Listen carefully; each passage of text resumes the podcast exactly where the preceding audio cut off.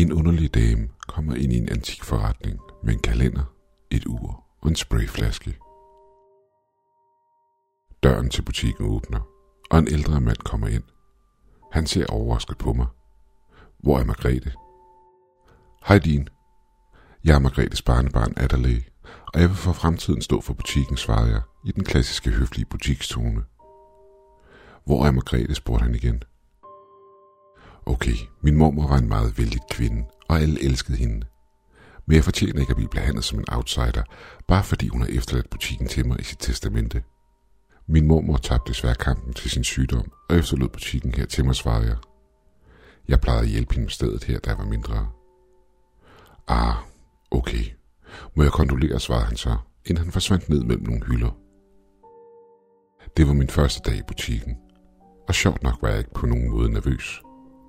Jeg var nærmest opvokset i butikken og kendte stedet ud og ind, hvad enten det var som kassemedarbejder eller det at fylde et lager.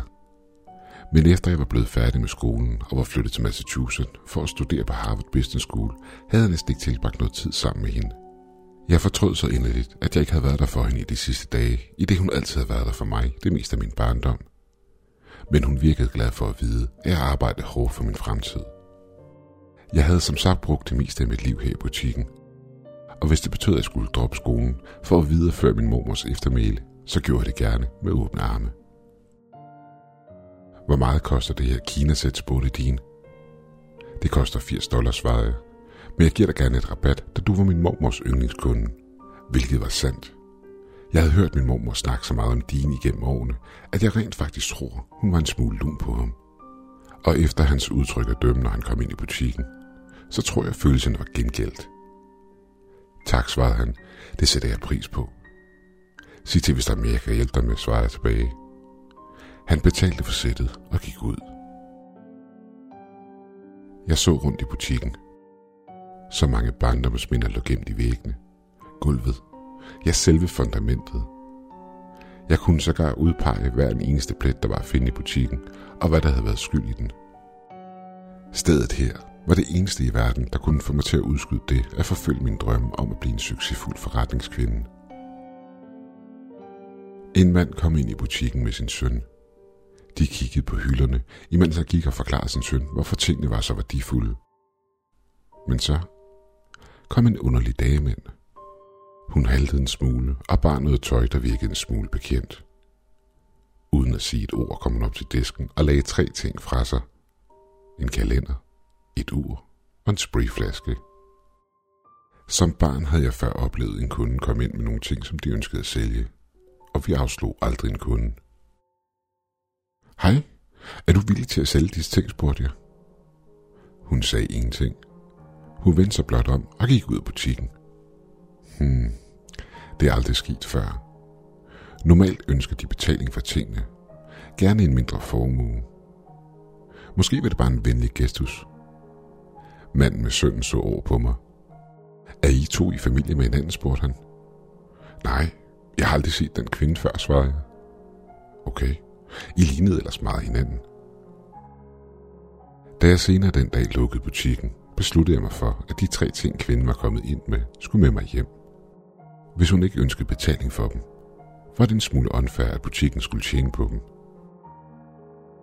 Jeg ankom til min mormors gamle lejlighedskompleks. Da jeg var vendt tilbage til byen, havde jeg sørget for at få fingre i den hyggeligste lejlighed i byen. Udover butikken, så var det her stedet, jeg elskede at være. Jeg åbnede døren og gik ind i soveværelset og hang uret op på væggen. Efter jeg bladrede igennem kalenderen og sat kryds på forskellige datoer, opdagede jeg til min forvirring noget meget underligt ved den. Der var en ekstra måned i kalenderen. Lige der mellem august og september. Siden bare titlen Flesh Roy. Ifølge kalenderen skulle denne måned starte i morgen, da det i dag var den 31. august. Jeg gik ud fra, at det var en eller anden form for prank, hvilket måske var grunden til, at kvinden blot havde givet mig ting i butikken, uden at kræve nogen form for betaling. Den aften faldt jeg i søvn og glemte alt om, hvad jeg havde fundet. Jeg vågnede og kiggede op på uret, jeg havde hængt på væggen. Viserne pegede direkte op. Det var stadig mørkt udenfor. Når jeg førhen vågnede midt om natten, så jeg altid på klokken. Det gav mig en vis ro, og ofte ville urets tækken vugge mig tilbage ind i søvnens rige. Men det gik hurtigt op for mig, at viserne på uret ikke bevægede sig. Jeg stod op og så ud af vinduet. Jeg må have stiget på månen i hvad der føltes som en halv time. Månen stod midt på himlen. Men det, der forvirrede mig mest af alt, var, at den ikke havde bevæget sig overhovedet i den tid, jeg havde kigget på den. Det samme galt skyerne. Det virkede som om, at verden var blevet sat på pause. Jeg får ned ad trapperne og ud på gaden. Der var kun enkelte biler på vejen på det her tidspunkt. Men dem, der var, stod helt stille. Lyset fra deres lygter stod stille, og bildækkene var sløret. Lidt ligesom hvis nogen havde taget et billede af dem, mens de var i bevægelse. Forvirret gik jeg tilbage til lejligheden og lagde mig i sengen. Det må være en drøm, tænker jeg for mig selv. Verden står ikke bare på pause. Intet af det her er virkeligt. Så jeg lagde mig til rette i sengen igen og faldt i søvn. Jeg vågnede et par timer senere og kiggede over på klokken. Til min rædsel bevægede ingen af viserne sig. Jeg vidste med sikkerhed, at jeg havde sovet et par timer. Men tiden, tiden havde ikke bevæget sig. Skyerne og månen havde været på samme sted, som de havde været tidligere. Jeg var bange og forvirret. Jeg vidste ikke, hvad jeg skulle gøre. Alt jeg vidste var, at jeg ingen mad i huset havde. Hvad skulle jeg gøre? Vent på, at den her tidslomme rettede sig selv op. Jeg forlod lejligheden og tog elevatoren ned til garagen. Jeg satte mig ind i bilen og smed nøglen i tændingen. Jeg forventede intet. Men til min overraskelse startede motoren op, og lysene i instrumentbrættet kom til live. Jeg sukkede lettet og smilede for mig selv, inden jeg kørte ud af parkeringsområdet og ud på vejen. Jeg kørte forsigtigt rundt om bilerne, der befandt sig spredt ud på vejen foran mig. Jeg så sågar en silhuet i et vindue, der var frosset fast. hvilket gav mig kuldegysninger. Da jeg ankom til supermarkedet, besluttede jeg mig for ikke at betale, da jeg ikke så det som nødvendigt. Tiden stod vidderligt stille, og intet betød noget de næste 30 dage. Jeg måtte bare ride den her mærkelige måned ud. Jeg gik ned mellem hylderne og skulle lige til at bukke mig ned efter noget morgenmad, da noget ud af øjenkrogen fangede min opmærksomhed. Jeg drejede hovedet, og mit hjerte sprang et par slag over. Der var noget. Noget forfærdeligt. En høj, pulserende klump af kød med knogler, der stak ud i skæve vinkler. Det var ikke menneskeligt. Det var en skabning, der udstrålede død og had. Jeg kunne mærke det. Jeg løb ud af butikken med de få ting, jeg havde i hænderne, og skyndte mig tilbage til lejligheden. Hele vejen tilbage var jeg i choktilstand. Jeg smækkede døren til lejligheden i og låste den. Hvad fanden var det? Havde den fulgt efter mig? Var jeg i sikkerhed? Og hvor lang tid ville der gå, inden den fandt mig? Jeg så ned på gaden fra mit vindue og følte bogstaveligt talt mit hjerte springe et par slag over. Dernede stod skabningen, og den så op på mig. Men det, der var det mest skræmmende, var, at de nu nærmest oversvømmede vejen. Forskellige grædselsfulde skabninger stod overalt på gaderne, i indkørsler og vinduer og huse. De dækkede alle overflader under mig. Dagene gik. Jeg ved ikke hvor mange, da det hele tiden var nat, og mit ur stod stille. Alt jeg ved er, at en god portion tid gik, og jeg var fanget i min lejlighed. Antallet af skabninger på gaden voksede dag for dag, og de blev mere og mere rædselsfulde at se på. Men jeg lagde mærke til noget underligt. Det første monster, det er fra supermarkedet. Det stod altid en lille smule nærmere end resten af dem. Og det tog aldrig blikket fra mig. Mere tid gik. Måneden burde for længst have været slut nu. Og der kunne der kun have været gået et par dage, da min tidsfornemmelse var helt væk. Da jeg var løbet tør for mad og vand, kunne verden ikke længere dække mine behov. Jeg måtte undslippe. Jeg havde brug for at speede tiden op. I samme øjeblik kom jeg i tanke om uret. Kalenderen, det var ankeret, men uret var hjernen bag det hele.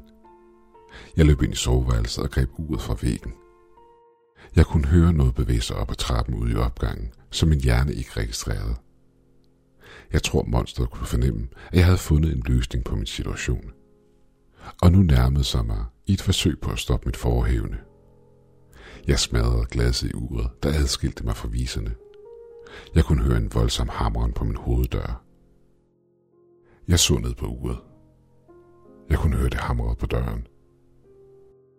Jeg tog mod til mig. Det hamrede endnu en gang på døren, og jeg begyndte at dreje viserne frem. En lettelse skyllede ind over mig, da jeg så månen falde ned bag horisonten, og solen kigge frem. Jeg fortsatte. Solen faldt ned, og månen stod op igen. Jeg drejede viserne så hurtigt jeg kunne, imens jeg talte de 30 omgange. Lige nok til, at måneden ville slutte, og datoen ville skifte til 1. september. Et brag lød, og monstret væltede ind i soveværelset og stod nu på mit ben. Jeg kunne mærke den knogle i benet splindres under den enorme vægt. Den hæv uret ud af hænderne på mig og begyndte at spinde viserne hurtigere og hurtigere frem. Alt for hurtigt frem. Jeg kunne mærke mig selv blive ældre og ældre. Og jeg selv og tiger forsvandt for øjnene af mig. Pludselig slog det mig. Sprayflasken. Den var passe ind i det hele på en eller anden måde. Jeg kunne ikke bevæge mig på grund af skabningen stod på mit ben. Men med en kraftanstrengelse fik jeg rakt hånden ned i kommodeskuffen og hævede sprayflasken ud og rettede den imod monstret, inden jeg trykkede håndtaget i bund. I samme øjeblik væsken ramte skabningen, begyndte den at transformere sig om til noget mindre. Noget menneskeligt. Den forvandlede sig til mig. Den forvandlede sig til en ung udgave af mig. Den alder, jeg havde haft, da jeg flyttede fra min mormor. Den forvandlede sig til min største fortrydelse, indtil den synede hen. Jeg greb klokken fra den og begyndte at spinde viserne tilbage. Jeg fortsatte i et håb om, at jeg ville returnere til mit yngre jeg sammen med resten af verden. Men det skete ikke. Jeg følte mig ikke yngre. Verden blev yngre, og vi endte igen i 2021.